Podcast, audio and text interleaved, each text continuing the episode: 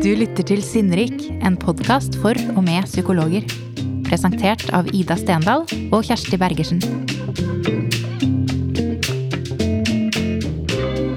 Etter å ha jobbet med personlighetsforstyrrelser i flere år, opplevde psykologspesialist Kristine Dahl Sørensen at hun og kollegaene hadde etablert god behandling. Særlig for de med emosjonelt ustabil personlighetsforstyrrelse, en pasientgruppe hun beskriver som lettere å bli oppmerksom på. De som står forrest på scenekanten med flere lyskastere rettet mot seg. Men, fortalte Kristine, etter hvert ble de mer oppmerksomme på en gruppe personer som sto litt lenger bak på scenen. De som led litt mer i stillhet, som gjerne ville være flinke pasienter, men som Kristine likevel følte at hun ikke fikk til terapiene så godt sammen med. Dette gjaldt de som hadde fått diagnosen engstelig unnvikende personlighetsforstyrrelse. I sin doktorgrad ville hun undersøke hvordan disse selv opplevde å leve med diagnosen. Altså sånn, I det store og hele så var det som om frykten holdt de tilbake, lengselen trakk i de, og denne tvilen lamma de. Jeg heter Kjersti Bergersen og er psykologiredaktør i Gyldendal. På den internasjonale personlighetskongressen i Oslo fikk jeg Kristine og hennes kollega, psykolog Marianne Spilde, opp på scenen for å fortelle om forskningen og hvordan de anvender den. Så ok, da skal vi snakke om følelser. Noen som har hatt følelser i det siste. Da blir de litt redde, da, for de blir litt stressa. Og hva er det for noe? Så ser jeg de blir litt forvirra. Oi, nå ser jeg noen som blir forvirra her. Men først skal vi få høre et eksempel på hvordan det kan være å leve med engstelig unnvikende personlighetsforstyrrelse. Vi skal få høre fra Linda på 33 år. Denne historien og de konkrete eksemplene fra terapi som gis senere i samtalen, er konstruert for bruk i episoden. I løpet av det første året på ungdomsskolen så begynte jeg å føle meg utenfor, og jeg var med i klassen og deltok i timene og på organiserte aktiviteter, men likevel følte jeg meg ikke som en del av gruppa. Det var tydelig at de andre hadde mye kontakt på fritiden, og jeg merket at tiden i klasserommet bare ble en del av det hele for dem, mens jeg bare traff dem på skolen. På videregående ble det egentlig verre. Jeg visste ikke helt hvilken linje jeg skulle velge, så jeg valgte helse og sosial, eh, fordi de jentene jeg kjente best, skulle velge det. Jeg likte det egentlig ikke så godt. I perioder hadde vi mye praksis, og da falt jeg litt utenfor, ble litt usikker. Følte at jeg liksom ikke fikk det helt til. Jeg gruet meg så mye til praksisperioden at jeg begynte å si at jeg var syk. Jeg fikk eh, mer og mer fravær og klarte ikke gjennomføre avsluttede prøver og eksamener. Jeg følte meg mer og mer deprimert og alene. Jeg hadde mye angst. Trakk meg tilbake fra det sosiale. Og hvis jeg først traff mennesker, da hadde jeg ingenting å snakke om. Jeg var jo verken i jobb eller utdannelse. Eh, og ingen kjæreste. Det har jeg aldri hatt. Mamma og pappa syntes jeg burde ta meg sammen. De mente jeg det ville hjelpe bare jeg fant meg en jobb. Og jeg prøvde noen jobber, annet butikkjobb som mamma fant til meg, og en jobb på hotell. Eh, som jeg fant ved hjelp av Nav. Men eh, jeg holdt ikke ut så lenge i noen av dem, og det ble veldig vanskelig. Eh, på hotellet hadde jeg jobb som nattresepsjonist. Og det var, gikk ganske greit en stund, men så måtte vi begynne å være to på jobb om natten pga. sikkerheten, og da begynte jeg å grue meg, og det ble akkurat sånn som i praksisperioden på videregående. Og den gangen ble jeg sykemeldt. Og mamma og pappa hadde håpet at jeg skulle få meg jobb og flytte hjemmefra, men da jeg ble sykemeldt, så tror jeg de ga opp på det. Og etter hvert så flyttet jeg ned i kjellerleiligheten. Fastlegen min og kontakten min hos Nav hadde et møte og henviste meg til behandling hos eh, psykolog. Hos eh, psykologen fikk jeg spørsmål om hvorfor jeg kom. Men det var vanskelig å svare på.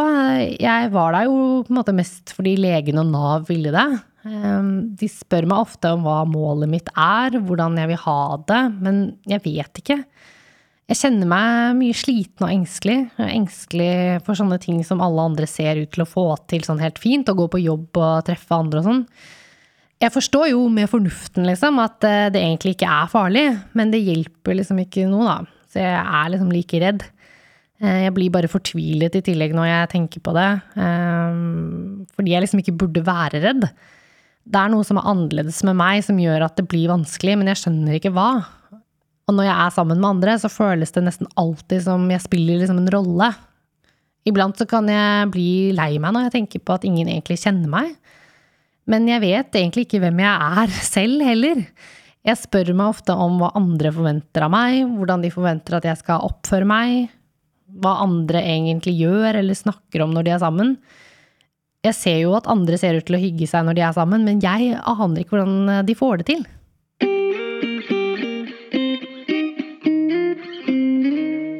Nå har vi hørt historien om Linda med bakgrunnen i Kristine. Kan ikke du forklare kort hva engstelig unnvikende personlighetsforstyrrelse handler om? Ja, jeg kan si at Selve diagnosen den kjennetegnes av et gjennomgripende mønster av sosial hemming og tilbaketrekning. Og gjennomgripende følelse av utilstrekkelighet og tilkortkommenhet. Så er de veldig sensitive for negativ evaluering. Eh, det er redsel for kritikk, for avvisning, for det å bli latterliggjort, kjenne skam. Og denne følelsen av å være mindre verdt og mindre flink enn andre. Og en unnvikelse som går igjen i de aller fleste områder som innebærer interpersonlig kontakt. Og det er type skole, jobb, fritid. Ja, men også i nære relasjoner og, og når det gjelder intimitet. Og så er det kanskje viktigst å si at det er snakk om veldig mye lidelse. Eh, og at det er en ganske vanlig personlighetsforstyrrelse. Den er like vanlig som emosjonelt ustabil, kanskje mer vanlig. Det du beskriver med redsel for avvisning og unnvikelse av mellommenneskelig kontakt, eh, symptombilder generelt, eller det, det høres veldig slitsomt ut? Ja, de aller fleste vil si at de kjenner seg fullstendig utslitt av hele situasjonen sin. Eh, det er et alvorlig funksjonstap. Altså det å ikke få til å leve de livene som de ønsker seg.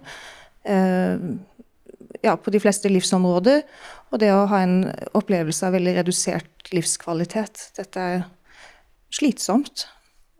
Og så er det mye, hørte vi fra Linda også, det er mye angst. Det er mye som minner om depresjon her. Uh, og jeg vet det er snakk om stor overlapp med sosial angst eller sosial fobi. Kan du fortelle litt om på hvilken måte diagnosen overlapper med angst og depresjon, og hvordan, på hvilken måte den er annerledes? Altså de fleste, eller ikke de fleste, mange i hvert fall, kommer eh, og ber om hjelp med vanskeligheter som de beskriver og vi forstår som angst og depresjon, og så kan det ta litt tid før vi ser kanskje at det handler om mer grunnleggende ting. Um, når det gjelder i forhold til sosial fobi, da er det eh, vært en lang diskusjon om dette er mer eller mindre alvorlig grad av sosial fobi eller generalisert sosial angst. Blant annet så er det forskning til Ingeborg Eiknes som har vært og sett på dette. og vil si at de fleste i dag er ganske enige om at det er forskjell. Eh, fordi at en engstelig unnvikende personlighetsforstyrrelse handler i mye større grad om eh, selvopplevelsen og identitet og relasjoner. Bl.a. på den måten at eh, jo nærere du kommer noen, jo vanskelig kan det bli. For da ja, øker også kanskje frykten for at noen skal se hvem du egentlig er. Mm. Og det er mye teoretisk kunnskap om denne gruppen. Det er gjort en del forskning. Og du nevner jo mange symptomer og problemområder som man kjenner til. Og så handler det jo om å omsette den kunnskapen man har i praksis. Og det du ville, eller dere ville, var jo å vite mer om hvordan det oppleves å ha engstelig innvirkende personlighetsforstyrrelse. Altså den, den subjektive opplevelsen. Vil du si litt om det? Ja, fordi det er mye forskning også, eller ikke mye kanskje sammenlignet med mange andre, men det kommer jo mer. Eh, men allikevel så var det det å kunne prøve å forstå denne personen som var der, ikke nødvendigvis som beskrevet mer sånn observert fra utsiden, men det å ja, forstå hva er det de egentlig erfarer, hva er det de eh, opplever, på hvilken måte prøver de å skape mening. Så det var utgangspunktet for det forskningsprosjektet. Jeg var så heldig å få med flotte veiledere, som er professor Marit Råbu og professor Teresa Willberg, og en kollega og medforfatter, Eivind Stie. Eh, han heter egentlig også Bertelsen da når vi skrev artiklene. Men da satte vi i gang dette prosjektet som handlet om. Det var kvalitativt og baserte seg på dybdeintervjuer av 15 personer som har fått denne diagnosen som en hoveddiagnose for behandlingen sin. Mm. Så vet jeg du hadde med erfaringskonsulenter eller medforsker. Kan du fortelle litt om hvordan det ja, jeg har med en uh, medforsker i prosjektet. Dvs. Si en person som selv har egen erfaring med diagnosen og de vanskelighetene som det handler om. Og så hadde jeg med to brukerrepresentanter også innen en uh, referansegruppe. Mm. I samarbeid med to erfarne klinikere også, som uh, ja, var med i hele prosessen fra A til Å, egentlig. Mm. Det var tre hovedforskningsspørsmål, vet du, eller tre tre hovedområder. Vil du presentere dem for oss? Ja, det første jeg spurte om, var hvordan de selv forsto opprinnelsen og utviklingen av vanskelighetene sine. Så var det om hvordan de opplevde og erfarte hverdagen og skapte mening i den. Og så til slutt hvordan de erfarte endring og behandling. Litt mer generelt. Mm. Vi begynner med dette med opprinnelsen og utviklingen, vil du ta oss gjennom det, disse tre? Ja, Det de fortalte om først og fremst, som var helt sånn overordna, eh, var dette med å kjenne seg helt alene og fortapt. Helt fra de var små, gjennom ungdom og inn i voksenlivet.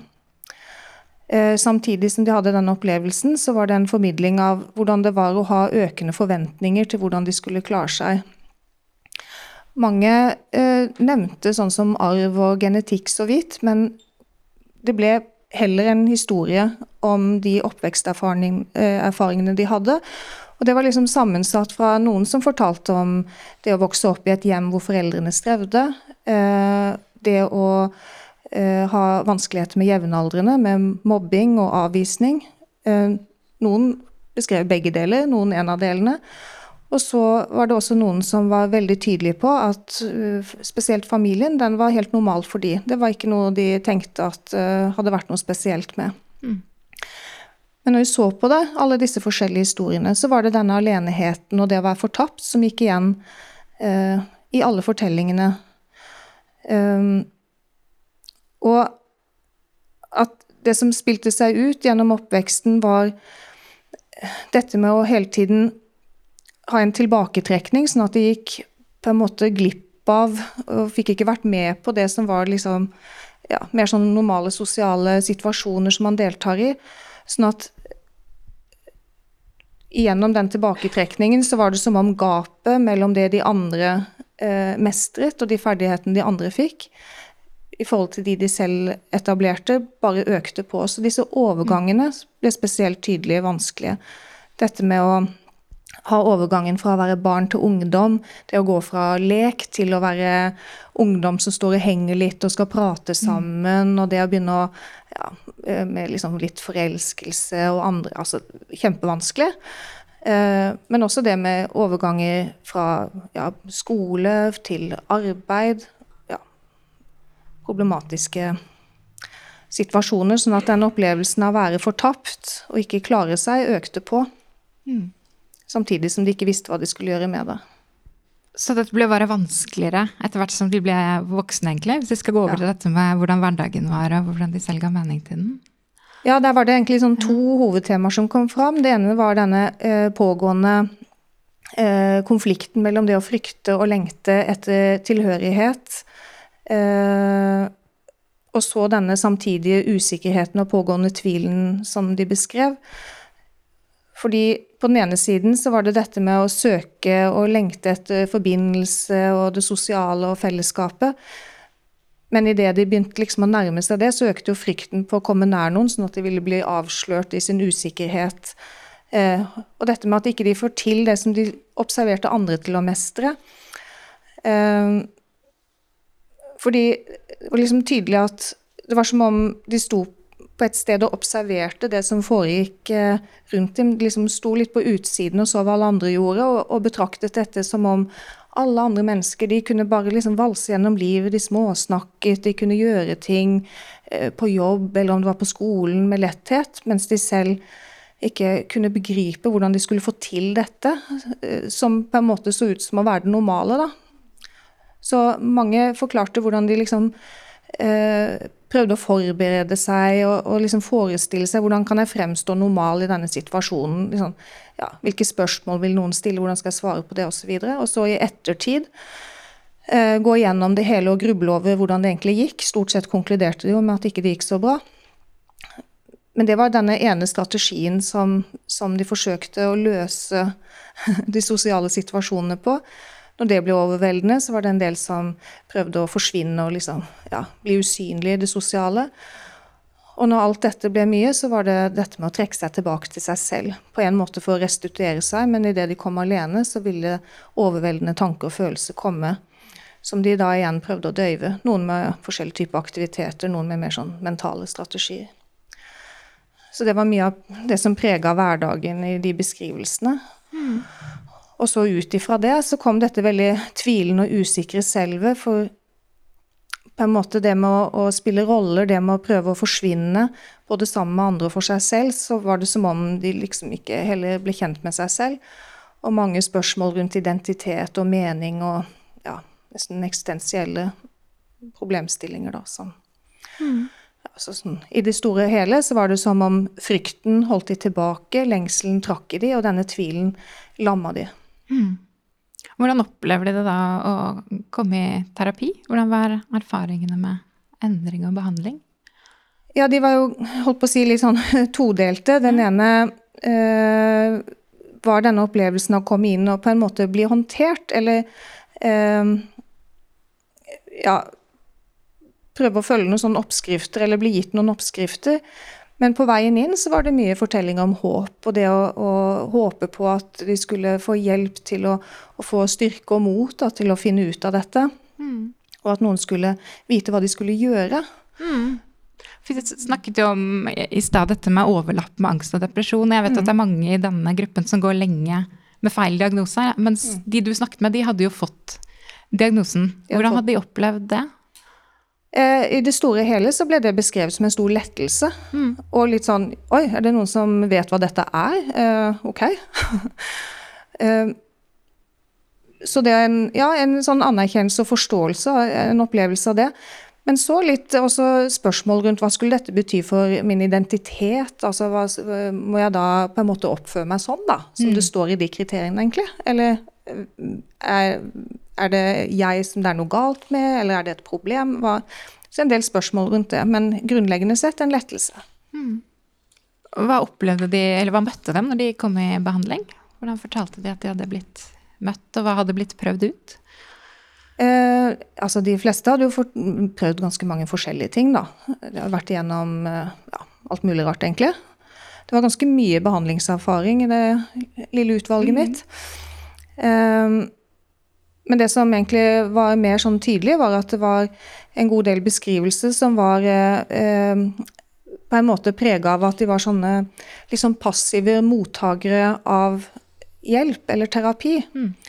Eh, at eh, når de beskrev også relasjonen til terapeuten, så var det en del som brukte som betegnelse som at de var for profesjonelle. At ikke de ble kjent med de. Andre likte jo terapeuten, men var litt sånn usikre på, på hva i all verden den terapeuten ville med de, da. Mm. At de ikke helt skjønte hvorfor de skulle gjøre forskjellige ting, eller skjønte ikke helt forklaringene. Og fra dette håpet og denne forventningen om å få en slags oppskrift eller lettelse, så var det som om denne kontakten ikke ble etablert, sånn at en misnøye økte. Og da økte også dette med å være passiv. Eh, men så var det andre som snakket om dette på en helt annen måte, som var mer sånn vitaliserte og på en måte eide sin egen behandling på en annen måte. Og det som kjennetegnet de, var nok eh, først og fremst eh, en annen opplevelse av kontakt med behandler, eventuelt da også andre, altså i en gruppe eller noe sånt. Eh, hvor de beskrev terapeuter som hjalp de til å forklare seg selv, til å gjøre seg selv forstått, som, som klarte å formidle at de prøvde å forstå de, var uh, genuin og interessert i dette med å oppleve eh, nysgjerrighet og ha tid til og Ja. Mm. Dere har jo fått veldig mye kunnskap om hva som har fungert, høres det ut som, eller hvordan eh, den pasientgruppen selv har opplevd at ting har fungert. Eh, så vi skal høre litt mer om, om hvordan dere har nyttiggjort dere av denne kunnskapen. si, Hva slags implikasjoner den har fått for hvordan dere driver behandlingen eh, der hvor dere jobber, på DPS Østre Agder, på Sørlandet sykehus. Hvordan, hvordan har dere tatt dette i bruk? Ja, altså vi, eh, vi, har begynt å arbeide med det, eller vil si meg og min kollega Marianne Spilde. Men det gjør vi jo på en måte i et klima hvor det er mange som arbeider med å utvikle gode behandlinger. Mm. Så vi er ikke alene om det. Men jeg kan jo si noe om hva vi gjør hos oss, da. Mm. Så eh, det er jo forskjellige retninger, selvfølgelig, som, som arbeider mentaliseringsbasert, eh, skjematerapi, dialektisk atferdsterapi osv. Og, så og disse prøver jo hele tiden å utvikle og tilpasse seg disse vanskelighetene. Men uh, hos oss er det Marianne som egentlig har tatt det litt videre, da. Fortell, Marianne. Hva, hva, gjør du på jobb? Ja, hva gjør jeg på jobb? Eh, det starta med at jeg fikk ganske mange engstelig unnvikende pasienter eh, inn, og tenkte at dette får vi jo egentlig ikke til, hva skal jeg gjøre? Og så leste jeg Kristines forskning. Og da er jeg litt sånn, da er jeg skrudd litt sammen, sånn at da må jeg tenke sånn, ok, hvordan kan jeg bruke dette? Eh, hvordan kan jeg ta de funnene som hun har i forhold til subjektive erfaringer, Hvordan kan vi nærme oss de via de terapimetodene vi kan? I mitt tilfelle så har jeg jobba noen år med mentalisering, noen år med skjematerapi, og så har jeg en bakgrunn med noe gruppeutdanning fra Institutt for gruppeanalyse. Så jeg jobba med grupper i mange år og syntes liksom ikke helt jeg fikk til det der med de engstelige unnvikende. De er i blanda grupper, så blir de liksom De er med, og de kommer samvittighetsfulle. De møter jo opp til alle gruppene og går i to år. Og, men så går de ut, og så er de liksom like ensomme, og det har ikke skjedd så mye endring i livet deres. men de er nå fornøyd ofte, da, eller liksom Ja. Så tenkte jeg vi må, vi må finne en måte å gjøre dette på som kan gi endring, da. Noe mer tilpassa, noe mer spissa behandling. Um, der vi kan prøve ut det vi liksom har noen forventninger om at de trenger, og se hvordan det treffer, og så gå tilbake til teorien igjen og finne ut av hvorfor treffer det egentlig, hva er det som skjer. Um, så nå har jeg kjørt andre pilotgrupper jeg kjører nå. Um, og sånn i forhold til behandlinga, så er vel hovedantagelsen vår er at erfaringer de må gjøres i relasjoner. Det er, vel, det er vel, eh, grunntanken, ja. Det er grunntanken. Og det kommer litt fra Vi tenker litt sånn utviklingspsykologi. Altså den opplevelsen av cellet, den fremkommer jo ved litt sånn intersubjektive erfaringer som bygger seg opp fra det implisitte til det mer prosedurale, til det verbale, også til det narrative. Hvordan kan det se ut i en, eh, i en gruppe?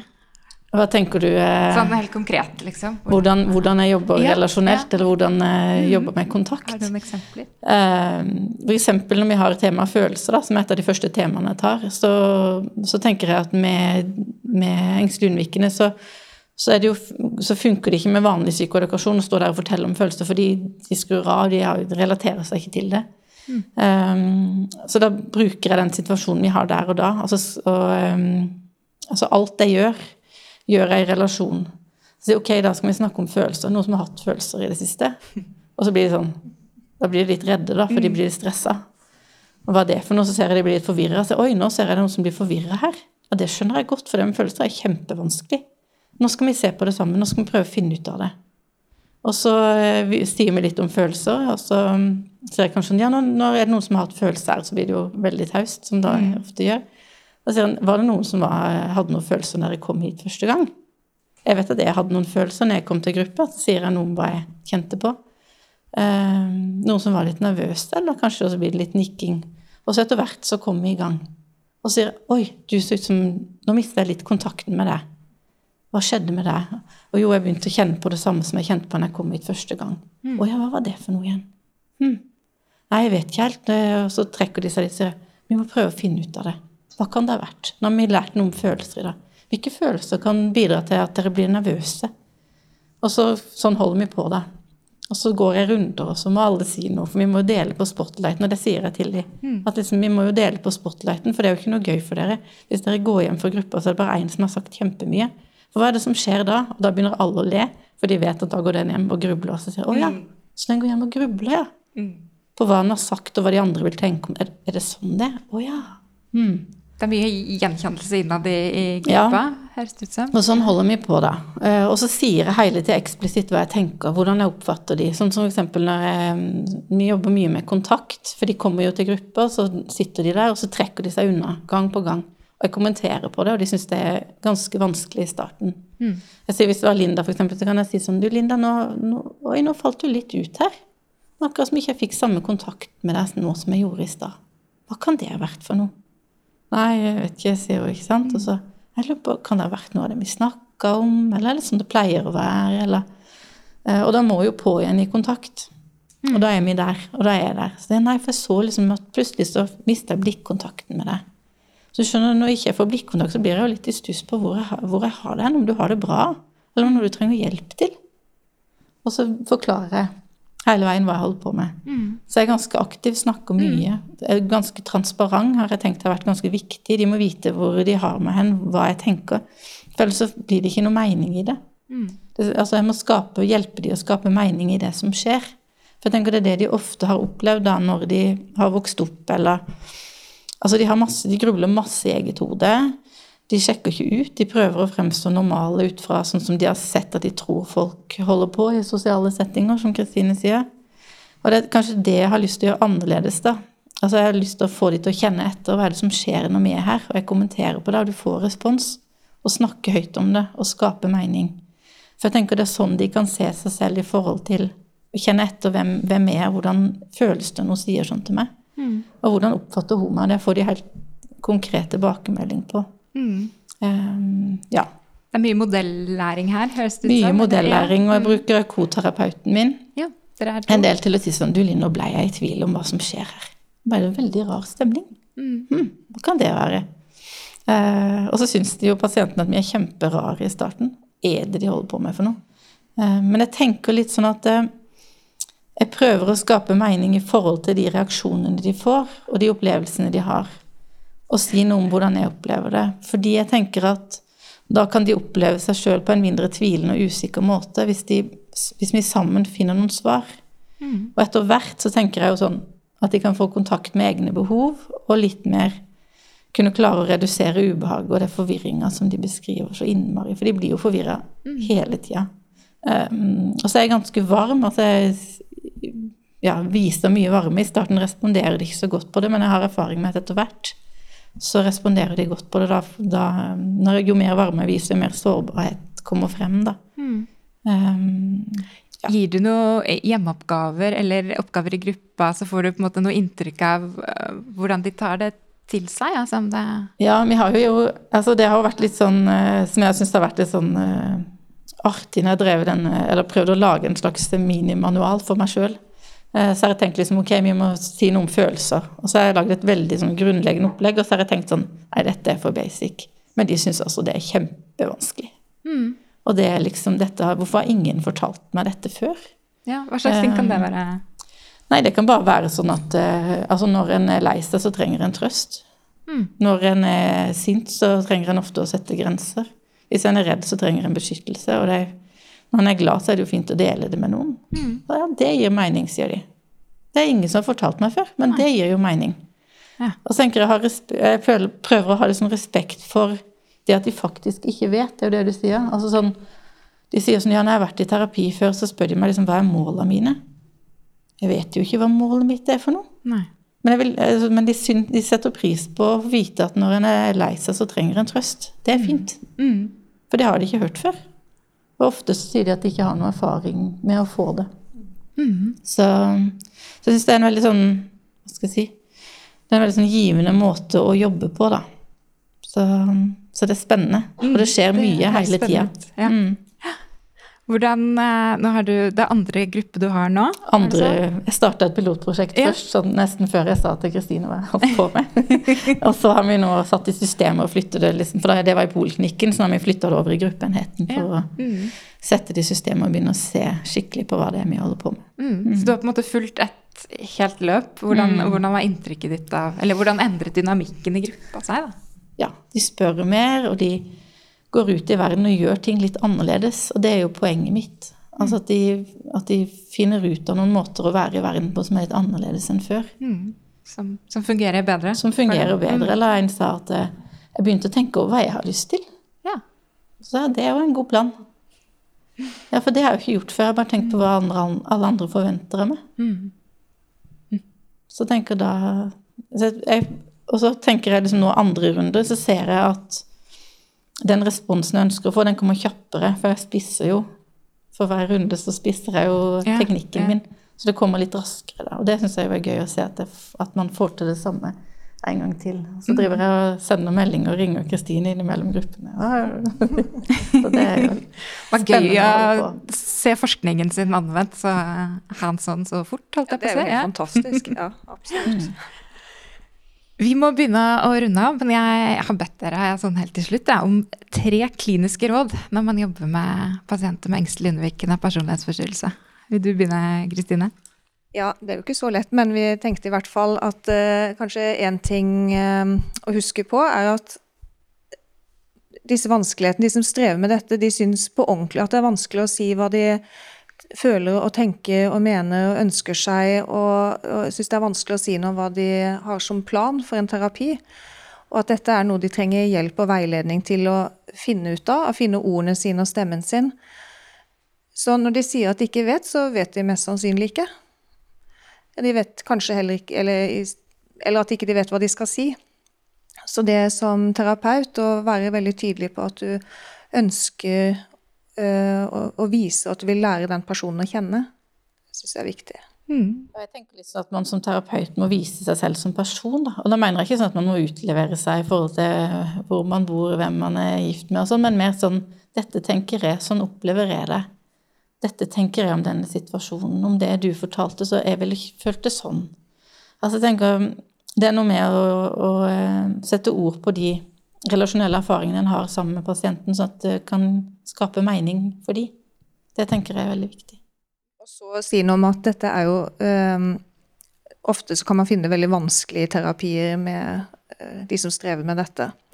Men jeg synes det blir ganske annerledes når man begynner å forstå det, og når det begynner å gi mening. Øh, så På hvilken måte Jeg tror det er dette som hvis jeg sammenligner med før jeg begynte på dette prosjektet og i etterkant, så ser jeg eh, den eh, For å bare være ærlig og si at jeg var ganske frustrert terapeut. Jeg er mindre frustrert nå. Jeg forstår det bedre, rett og slett. ja, Hvordan det føles Hvordan det å føles. sitte der som pasient? Ja. Og da kan jeg også formidle noe annet, og forhåpentligvis at de også sitter igjen med en annen opplevelse og blir forstått. Mm. Og da blir det annerledes å drive terapi. ja. Tusen takk for at dere kom, Kristine og Marianne. Takk for oss. Tusen takk.